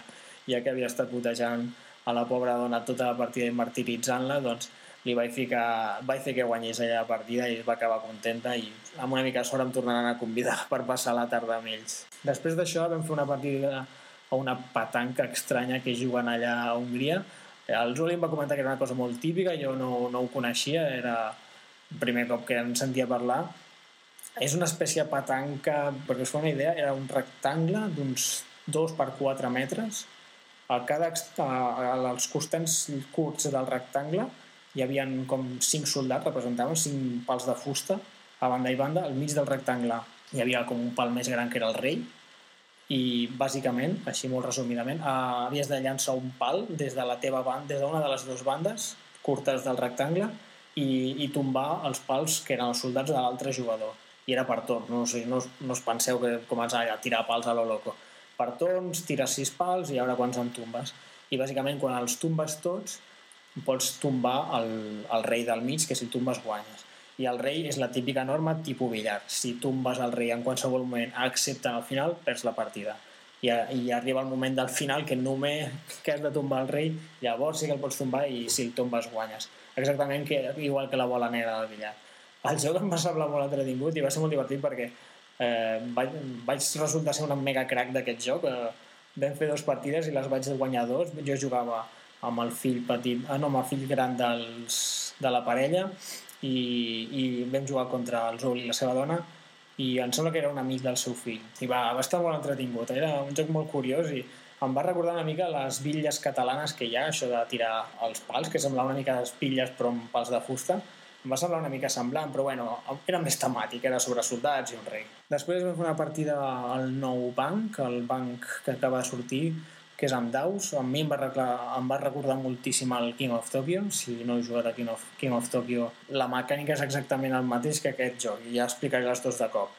Et toca tu, agafes 6 daus, els tires, et quedes els, els resultats que vols i els que no tornes a tirar. És a dir, és un pòquer de daus, però una mica més temàtic amb la diferència que segueix exactament les normes del banc, que no explicaré perquè no tinc temps, perquè el banc és molt conegut, si no el coneixeu, ux, hauríeu de fer començar a fer deures eh, i estudiar a casa, que no us ho puc fer tot jo. El joc em va, va semblar bastant més interessant que el banc de cartes, perquè, home, et treus els components d'haver de remenar, ai, que les cartes se'n fan malbé, que això no funciona bé, bueno, eh, ho típic. A més, a, a mi el que em va agradar molt és que ja no està la, la dinamita, la famosa dinamita, que, bueno, era una, per qui no sàpiga, era una mecànica una mica rotllo del banc. Almenys per, per, per, des del meu pare, no, no em considero un superexpert, però bueno, a mi no m'agrada gaire. Molt entretingut, eh, el joc, però dolent, que em, em recordava molt a King of Tokyo, i el King of Tokyo em recorda molt el Poker de Daus, però bueno, suposo que ni, ni el senyor Garfield, el dissenyador de King of Tokyo, ni, ni aquests, els de banc, han inventat res. Ja tot ve del Poker de Daus, que és tirar i el guardes uns daus per intentar fer la millor combinació. I bé, això ha sigut totes les meves partides que he fet. La veritat és que estic tenint uns dies molt profitosos, estic jugant molt, estic molt content. A més, la confiança amb el Zoli, la confiança amb el, el grup del Volaix cada cop es nota més, i cada cop hi ha més confiança, cada cop m'ho passo més. sobretot el que he comentat, començar a riure, començar a fer broma amb gent estrangera, amb un idioma que no és ni el seu ni el teu, és complicat, sembla una tonteria, però és molt complicat. Així que a poc a poc estem agafant confiança. Jo estic aprenent anglès, cosa que també ajuda a, a crear confiança i a partir d'ara prometo començar a estudiar hongarès i crec que cada cop a, ens ho passarem millor a les jornades. Sí, sí, sí, així que res, companys, espero amb, amb més a, d'aquí uns 15 dies tornar a fer una secció i tornar-vos a explicar les meves aventures per aquí és aquest. Que vagi tot molt bé. Apa, adeu.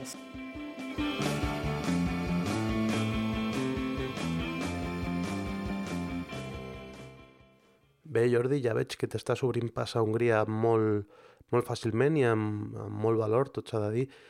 I, i bueno, eh, la llàstima va ser que no van coincidir a, a Dau perquè va, va ser el tema meu de, de, de l'esquena que, que em vaig fer mal i tal i bueno, no vam poder coincidir, però bueno, ja em consta que tens el, el teu nou micro, aquest micro que, que ha recomanat moltes vegades el David Arribas de Bislúdica, eh, que, bueno, que és una meravella, eh, relació qualitat-preu i segurament guanyaràs en, en qualitat. Per exemple, en, aquest, en aquesta secció hi havia una mica de sorollets i tal, i això el, micro, el micro nou t'ho pal·liarà totalment. I, I bueno, quan comentaves el tema de que havia jugat amb aquesta família a un joc d'exterior eh, que diu semblant a la petanca, jo crec que és el cub. El cub és un joc que aquí mm, l'hem jugat alguna vegada sense anar més lluny a Vallgorguina, a unes jornades que, que quan té temps el Pere Pau mm, a l'estiu fa i fins i tot allà hi ha un home que el fa artesanalment o que és conegut del Pere Pau i el fa artesanalment i és molt funcional i la veritat és que és un joc eh, per jugar amb equips que, que, que funciona molt bé. Els jocs d'exterior eh, s'estan posant de moda, la veritat, eh, a nivell europeu. De fet, a, al Festival d'Au hi havia al pati un, un campionat de molki, que aquest sí que s'assembla més a les bitges i, i bueno, eh, és un joc que, que està superbé. I el que m'ha semblat super, super curiós és eh, aquest joc que has comentat de cartes, el Magus, eh, inspirat en un univers molt propi d'Hongria, fet allà, que si no ens ho dius tu, segurament eh, no ho hauríem conegut, i també ens ha cridat l'atenció el tema de, de lo bé que funciona a nivell internacional el, el lloc dels nostres amics, eh, el Jordi Llané i el Gregorio Morales, al, al Bauhaus. I, i bueno, sí, i sí que hi ha un vídeo que, que el tenim a, a la web del podcast, a reservosjocs.cat, eh, on expliquem amb el proto final, amb el prototip final, abans de que hagués sortit el, el Bauhaus a la venda, eh, com funcionava el joc i tal, i la veritat és que m'agrada molt que, que el facis servir i que el donis a conèixer també internacionalment. Segur que el, el Jordi i el, el Gregorio es posen molt contents d'això. I res més, donar-te força perquè, perquè continuïs fent la teva secció, que realment és molt entretinguda i aporta molt. Eh, aquest any espero poder comptar amb algun col·laborador més, però bueno, aquí tots sumeu i, i moltes gràcies per la teva paciència perquè ja saps, amb el tema de Dau i la meva esquena i tot això, doncs que la, la regularitat que havíem pactat inicialment s'ha trencat i bueno, ara espero que, que a partir d'aquí, aquest és l'episodi de primers de gener, eh, puguem fer això, dos episodis al mes seria la regularitat que a mi m'agradaria poder fer si tot va bé i tenim temps i no tenim més lius perquè els dies només tenen 24 hores.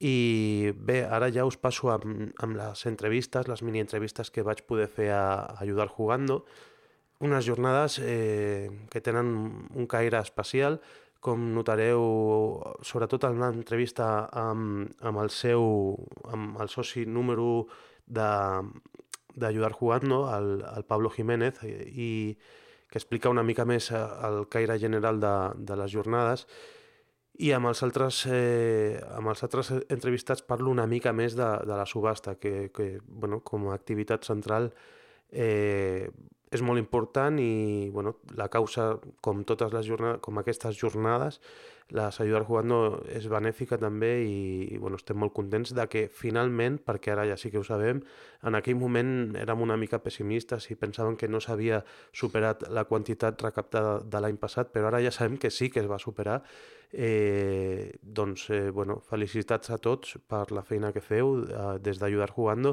i espero poder anar i, i gaudir un altre cop, eh, com aquest any, eh, de, de les vostres jornades.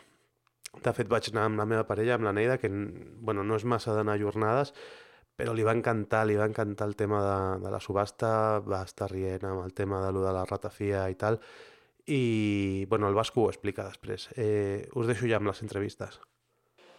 Estic amb la Mary i parlarem de, de la subhasta perquè bueno, ella ha estat molt activa.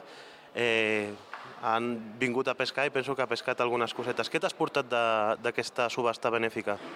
Doncs m'hem portat quatre articles. Eh, dos són prototips, que és el prototip del Trànsitos, que va ser accèssit en el concurs de creació de jocs de Granollers del 2011, i després el Nueva Caledònia, que és d'en Pere Pau, Llistosella.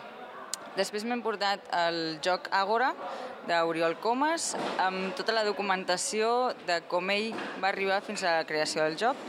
I finalment el lote Chechuliano, que està composat per 21 articles, eh, molts jocs de taula que ell ha dibuixat, va, que, i després làmines, xapes, i bueno, la veritat és que m'ha anat molt bé. El lote del, del Chechunieto, la veritat és que eh, no sé per quin preu l'has agafat, però que per la quantitat de llocs i històries que portava, igual t'ha sortit molt bé, no? Sí, la veritat és que sí. M'ha sortit per 165 euros.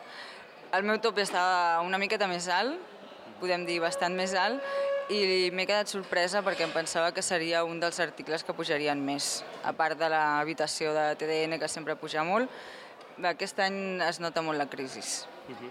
I el tema dels protos, eh, tu col·lecciones eh, protos eh, perquè has, has agafat dos, tres protos de, de la subhasta? Arribar a col·leccionar no, però m'agrada. Considero que és una cosa única, aleshores eh, vaig començar un any a quedar-me un perquè em va tocar un sorteig, mica en mica m'han tocat coses i cada any m'agrada quedar-me a subhasta el prototip d'en Pere Pau i si hi ha més prototips m'agrada quedar-me'ls, aleshores vaig a per això. Hem vist que amb, amb l'Àgora eh, l'Oriol Comas eh, ha, ha pujat pel seu propi article, però després l'heu anat sobrepujant i, des, i bueno, eh, ha vingut a la teva cadira, t'ha dit alguna cosa i al final has guanyat tu. Hi ha hagut algun tipus d'acord o alguna moguda estranya? No, no. Ell més aviat el que m'ha dit és que li ha donat ràbia que jo m'emportés al Nova Caledònia, que el volia ell, i l'únic que m'ha dit és que em dóna ràbia però m'agrada que te n'emportis tu. Aleshores, suposo que ell pujar pel seu article és, mm, és una feina que li ha costat molt, aleshores considera, suposo, que perquè per menys de 100 euros, per exemple, doncs que, que no, que per això se'l queda ell. Ja, però al final te l'has quedat tu. Exacte, al final me l'he quedat jo. Bueno, eh, el que hem vist a la subhasta, que a veure si puc agafar el Vasco i preguntar-li, és que hi ha un article que s'ha subhastat que era molt estrany, que era el que deien les proves d'impressió de, d'un bueno, joc que ara no recordo quin era, eh, que era una capsa totalment en blanc, amb els components en blanc, i ha arribat als 66 euros, una cosa així. Eh, què era? A tu no t'interessava, suposo? No, eren les, eren les proves d'impressió del Patch of Glory, aleshores no m'interessava perquè primer no m'agraden els Wargames, aleshores eh, no m'interessava. I una caixa en blanc Sí, pot tenir molt interès per certes persones, però en aquest cas a mi no. Però tal com ho ha presentat el Xema Pamundi, eh, era com el producte fric de... Bueno, estaven els seus pantalons també, però el producte fric de la subhasta, no? Podríem dir. Sí, la veritat és que sí, perquè clar, eh, tenir les proves d'impressió, que són total... Més que d'impressió, són de qualitat dels components, aleshores tenia una caixa en blanc, amb el taulell en blanc i tot en blanc, doncs, ha de ser algú que realment li agradi el joc en si, i aleshores per això té interès per aquestes persones. Doncs ara a veure si l'agafo i ens ho justifica. Moltes gràcies i bueno, que passis per caixa perquè ara crec que has de passar la targeta o alguna cosa, no? Sí, ara em reclamaran ja de seguida. Vaig al caixer a buscar els diners i a pagar-ho tot. Bueno, doncs gràcies, que vagi bé. Gràcies a vosaltres.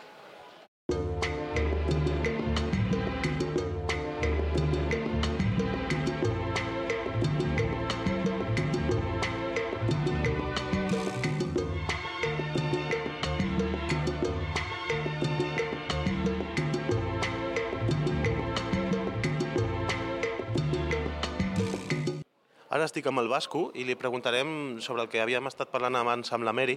Aquesta capsa de color blanc que t'has fet, crec que per 66 euros o, una, o 65 o... Eh, 60, 60 euros ha sigut al final, sí. Què té una capsa de color blanc amb tots els components eh, en blanc que t'hagi cridat la- l'atenció per agafar-la? Bé, doncs aquesta capsa, encara que sigui molt absurd i molt surrealista, subhastar i a més sense una signatura ni res, són les proves de producció del joc Pass of Glory, editat per Devir aquí com Senderos de Glòria. Aquestes proves de producció què és? És una prova de materials, és a dir, quin cartonatge té la capsa, quin gros té el cartró del taulell, quina qualitat tenen les cartes, com serà la qualitat del paper de les instruccions, però és que tot això en blanc, perquè només és una prova de producció de materials. I, esclar, jo com he treballat en el redisseny de l'edició de Vir de Senderos de Glòria, junt amb Antonio Catalán, doncs la veritat és que em feia moltíssima gràcia endur-me-la jo. I, i, I 60 euros han tingut la culpa de que me l'endugués. Bueno, és que eh, la Mary, per exemple, s'han portat protos, s'ha portat jocs, eh, i els protos els pots jugar i, i, i els jocs també, però què faràs amb això? Suposo que serà un record de, del, te, de, del teu pas amb, amb aquest eh, eh, període editorial a, amb The Beers, no? Doncs sí, sí, és clar. A veure, sóc una mica estrany. Primer és l'absurditat de- d'aquesta capsa blanca. Sí, sí. I, o sigui, i, a, i a més a més, començar ja amb 50 euros i ara veure el Xema amb la ratafia d'una- i ara veiem aquí. És que estan, estan uns quants companys aquí fent la mona, però bueno, és el que té al final d'ajudar jugant. Eh, primer és això, la gràcia, no? Eh, Veure entrar en el joc i tot això, perquè a fi, al cap i a la fi això és per somriure a un nen, ¿vale? I després, doncs, és una cosa que vulguis que no, ha passat per les meves mans. Jo l'he vist abans. O sigui, és com, com si digués un, un sobrinet meu, no? Un part de la família, no? I ja que he treballat durant el joc fent el redisseny, a més a més, no és simplement una adaptació, sí, sinó que jo he fet les cartes, he fet el redisseny de les cartes i tot això, doncs és una estimació especial. Mm, això no es deixa passar. D'un dels jocs que jo he, he aixecat al, al meu paperet, amb el número 32, era el Venetia, del Nepitelo i el Magui, eh, de Devir, també, que venia signat, que el van signar a la Devir Fest, era l'únic- l'única còpia que hi havia allà, no es podia comprar, encara no ha sortit a les botigues, i també te l'has pillat tu. Eh, sí. No és un joc del teu estil, però per què, per, per què has arribat a, a agafar-ho? Mira, de, de, de primeres, perquè quan vaig rebre els arxius per fer l'adaptació a l'espanyol del joc, m- em va agradar molt. Vale? Després, en Francesco Nespitelo, a les anteriors Ayuda Jugando va vindre aquí a Barcelona com a autor invitat. I vam parlar molta estona, i és un tio molt simpàtic, molt obert, i li va agradar moltíssim Ayuda Jugando i se- i em va dir que s'ho va passar molt bé. De fet, ho diré, collonut, s'ho va passar collonut i també és una estimació especial. A més a més, durant, durant el procés d'adaptació d'aquest joc, eh, Xavi Garriga em va posar directament en contacte amb el meu de, de, de Francesco Nepitello. I eh, a la vegada que jo estava maquetant i intentant solucionar alguns problemes de l'adaptació a l'espanyol, jo estava parlant amb el Francesco Nepitello per mail i comentant les jugades. Eh, mira, aquesta lletra no té tilda, posaré una altra, què podem fer, com ho podem retocar això... I és que ell directament, que portava el projecte, qui millor per dir-me algunes coses que podia canviar o que no, respectar o què li semblava. Després a la de Bifes van coincidir que va vindre, li vaig demanar també la signatura per ajudar jugando i vulguis que no, jo mitomen de les signatures no sóc, però són dos subjectes que al cap i a la fi li tinc carinyo especial. I és per això, per tot el procés, per Francesco Nepitello, que és una persona molt amable, va vindre també Marco Magui, també, eh, tindre els dos autors doncs està molt bé, no sempre s'aconsegueixen dos autors d'una obra, i per això mateix el Venècia hauria de ser meu, fos com fos.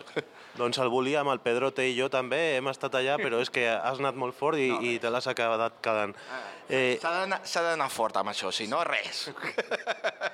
Eh, I la cosa curiosa, tu bueno, sempre ens has dit que la subhasta amb el Xema Pamundi és un espectacle. Eh, aquest any eh, eh, bueno, s'ha passat de voltes o què ha passat perquè ha acabat eh, autocomprant-se els seus pantalons per poder tornar a casa.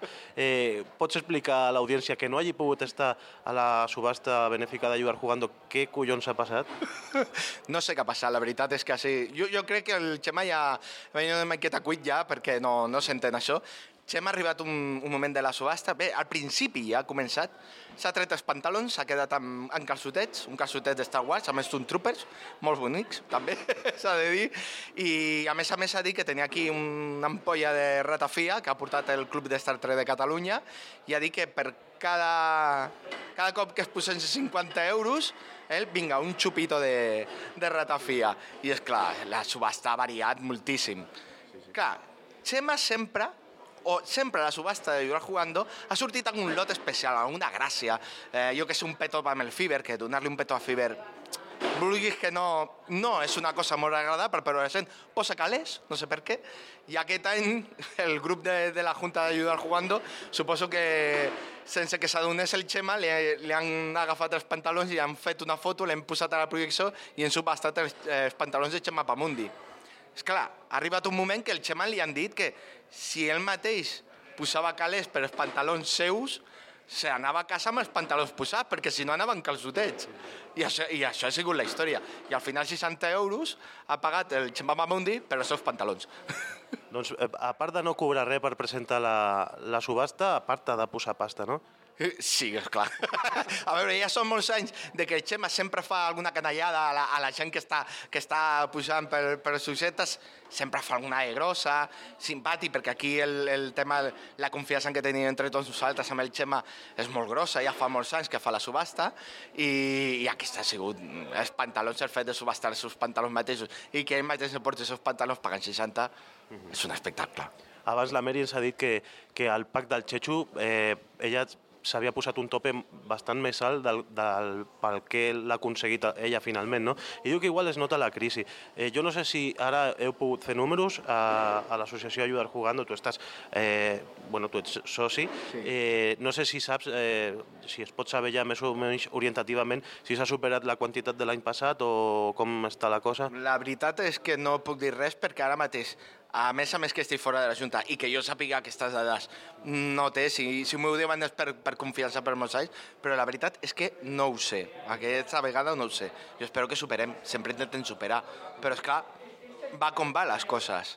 I a més a més aquest any eh, hem passat de les cotxeres i per unes obres d'adequació de seguretat hem passat al casinet que té més, menys aforament i espero que ho superem, però és clar, les coses no sempre són com, com vulguem. Bueno, doncs buscarem a veure si algun altre membre d'Ajudar Jugando ens ho pot dir. I tant que sí. Gràcies, Vasco. Vinga, adeu, moltes gràcies, Miquel.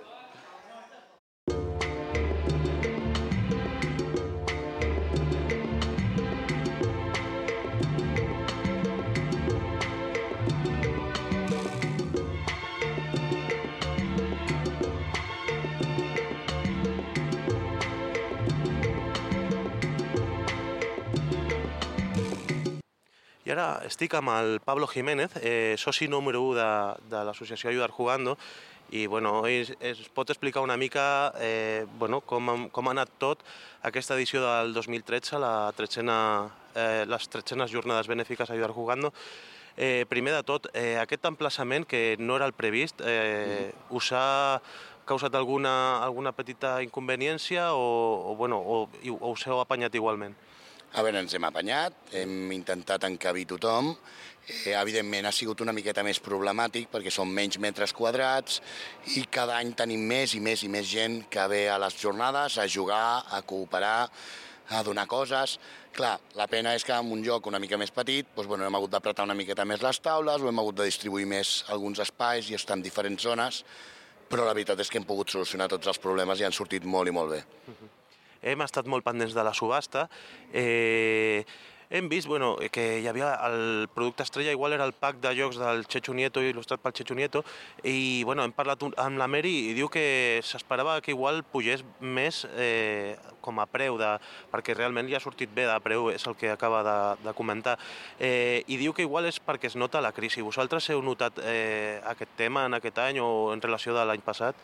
A veure, sí, s'ha notat la crisi eh, tot i que ens diguin que hi ha, hi ha brots verds i llums al final del túnel, eh, malauradament penso que, i per les notícies dels companys que ja ens veiem any rere any, ja són molts anys fent Ayudar Jugando, i els comentaris doncs, de gent que s'ha quedat sense feina, de gent que està amb els diners més justos i on abans es podien permetre millor gastar 100 o 200 o 300 euros, doncs aquest any anaven mirant una miqueta més perquè doncs, els hi va per pagar el dinar o per poder pagar la hipoteca.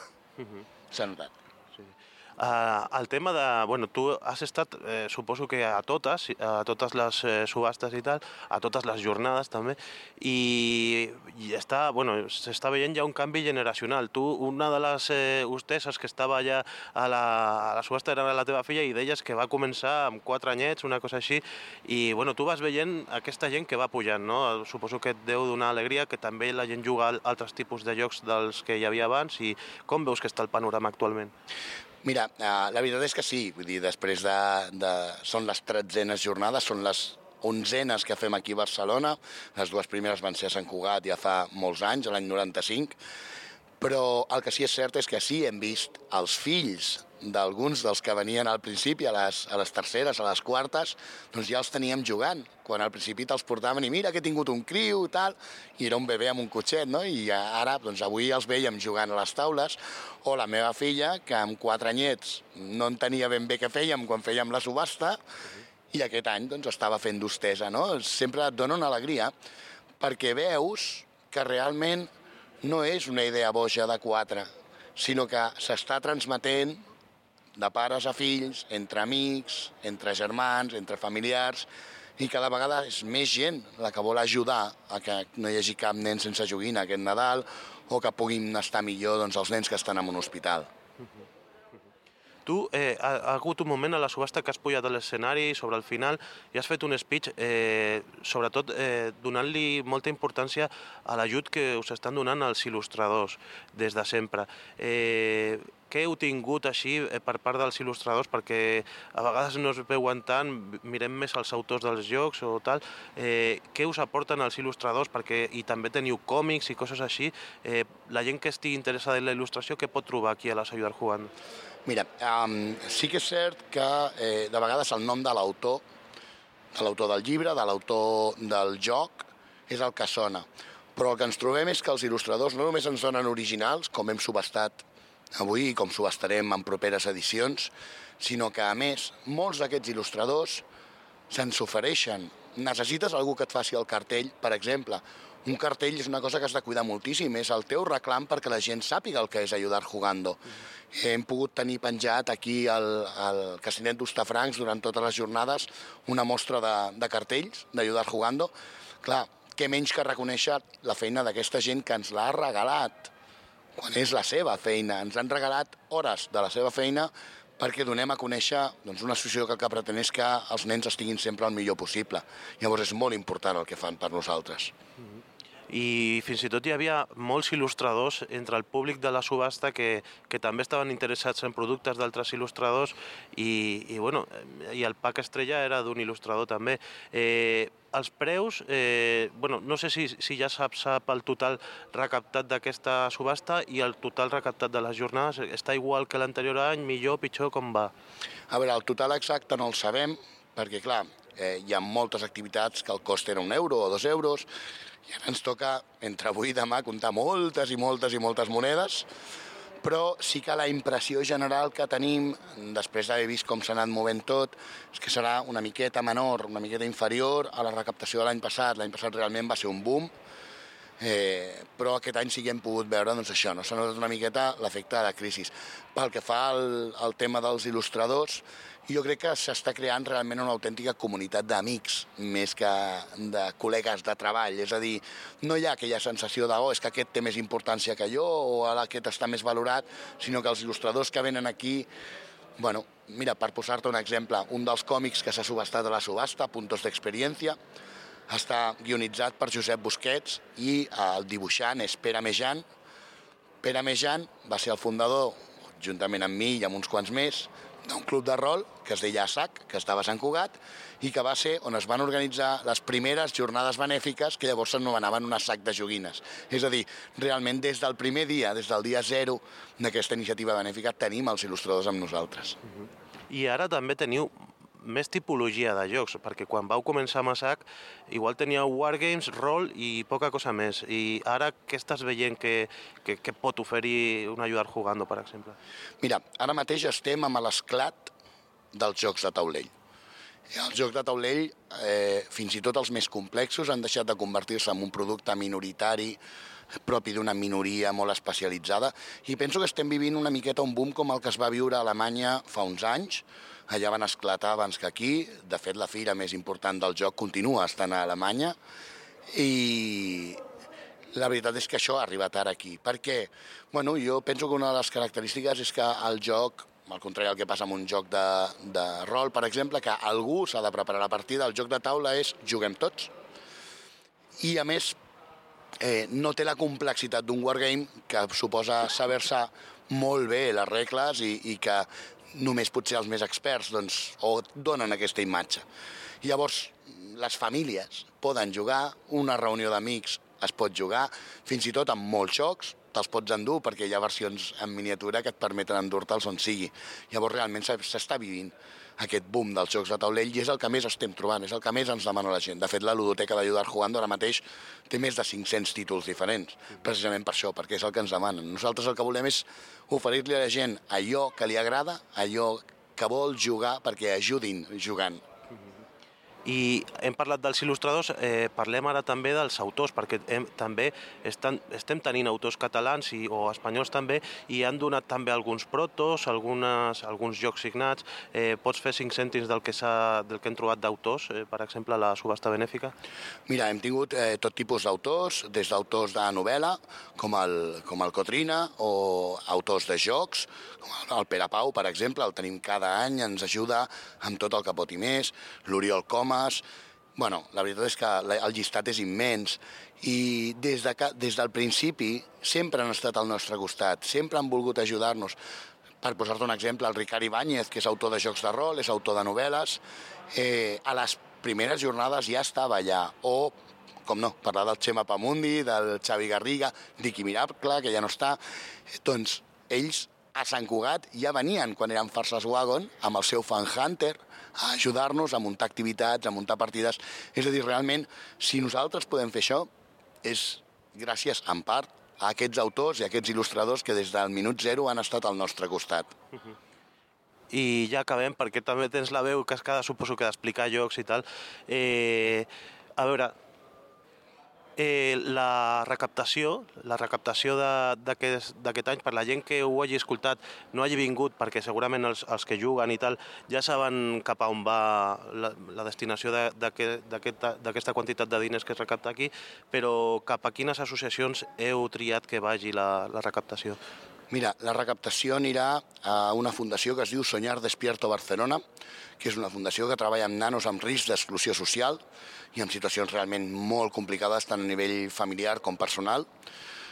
Una altra part de la, de la recaptació anirà a l'associació Juega Teràpia, que és una associació que s'ocupa de eh, nens amb malalties de càncer, eh, amb hospitals amb àrea oncològica infantil i pediàtrica, eh, doncs es preocupa de proporcionar-los jocs, consoles, de manera que Clar, passar una quimio és una cosa molt dura o passar una radioteràpia és una cosa molt dura. Si un nen pot jugar, pot entretenir-se, la cosa es fa més lleugera. I finalment també col·laborem amb, el, amb la campanya Un nen, una joguina, del grup de joves de la parròquia de Sant Cugat, que aquesta campanya el que busca és que a la nit de Reis no hi hagi cap nen que es quedi sense que els Reis vagin a casa. Ens deia, penso que el Ricard, eh, ja per acabar també, el, que hi havia una dedicatòria d'un llibre, d'una novel·la, eh, que era emotiva i que, bueno, que que posava en èmfasi el que fa Ayudar Jugando. No sé si la recordes, si la vols dir, perquè és eh, la de... Bueno, començava jo solo hago libros. Eh... Sí, deia algo així com...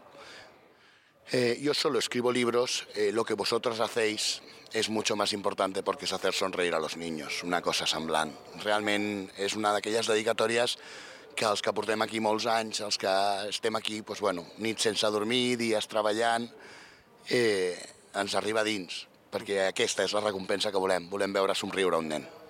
Doncs volia acabar amb aquesta dedicatòria perquè a mi quan també l'han llegit en alt m'ha arribat i és suposo que el resum de, del que realment feu, que és superimportant. Gràcies per les teves paraules i a seguir endavant el 2014. Moltes gràcies, espero veure'ns aviat.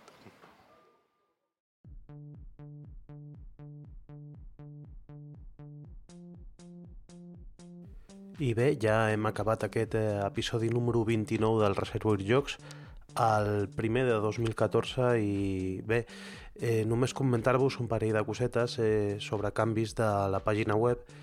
La pàgina web ha canviat totalment de disseny, eh, podeu veure el nou disseny a reservoirjocs.cat. També dir-vos que hem canviat el, el, l'RSS, el fil RSS on, on normalment us estàu subscrivint perquè bueno, eh, FeedBurner, que era una, un servei de RSS que portava Google, ha tancat i, i bueno, està mig abandonat i hem passat a, Fed, a FeedPress.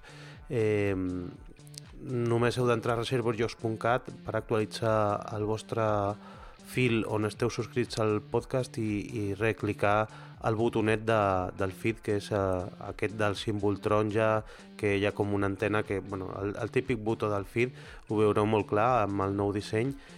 I res més, que estic una mica quadrant la nova temporada i igual tenim alguna sorpreseta amb alguna col·laboració més o amb alguna història més i bueno, ara en aquest episodi se'ns ha oblidat eh, dir-ho al començament però sempre farem esmena perquè amb el nou disseny web no podem tenir banners publicitaris però farem esment de, dels, de les botigues que, que, bueno, que ajuden una mica que el Reservoir Jocs eh, tiri endavant són botigues de carrer, eh, hem apostat per la botiga de carrer, no per la botiga online, eh, per potenciar-les una mica i, i sempre que ressonin aquí també al podcast. Eh, si sou de Barcelona, ens estem referint a la botiga Jugar per Jugar de l'Avinguda Gaudí i si sou del Baix Llobregat, eh, estem parlant també d'una botiga molt interessant, que porta menys temps, però déu nhi eh, el material que té, que és Sigurat Jocs a Castelldefels, al carrer Marconi. Eh, a totes dues botigues us podran atendre en català i són, de moment, botigues que recomanem 100%. Gràcies i fins aviat.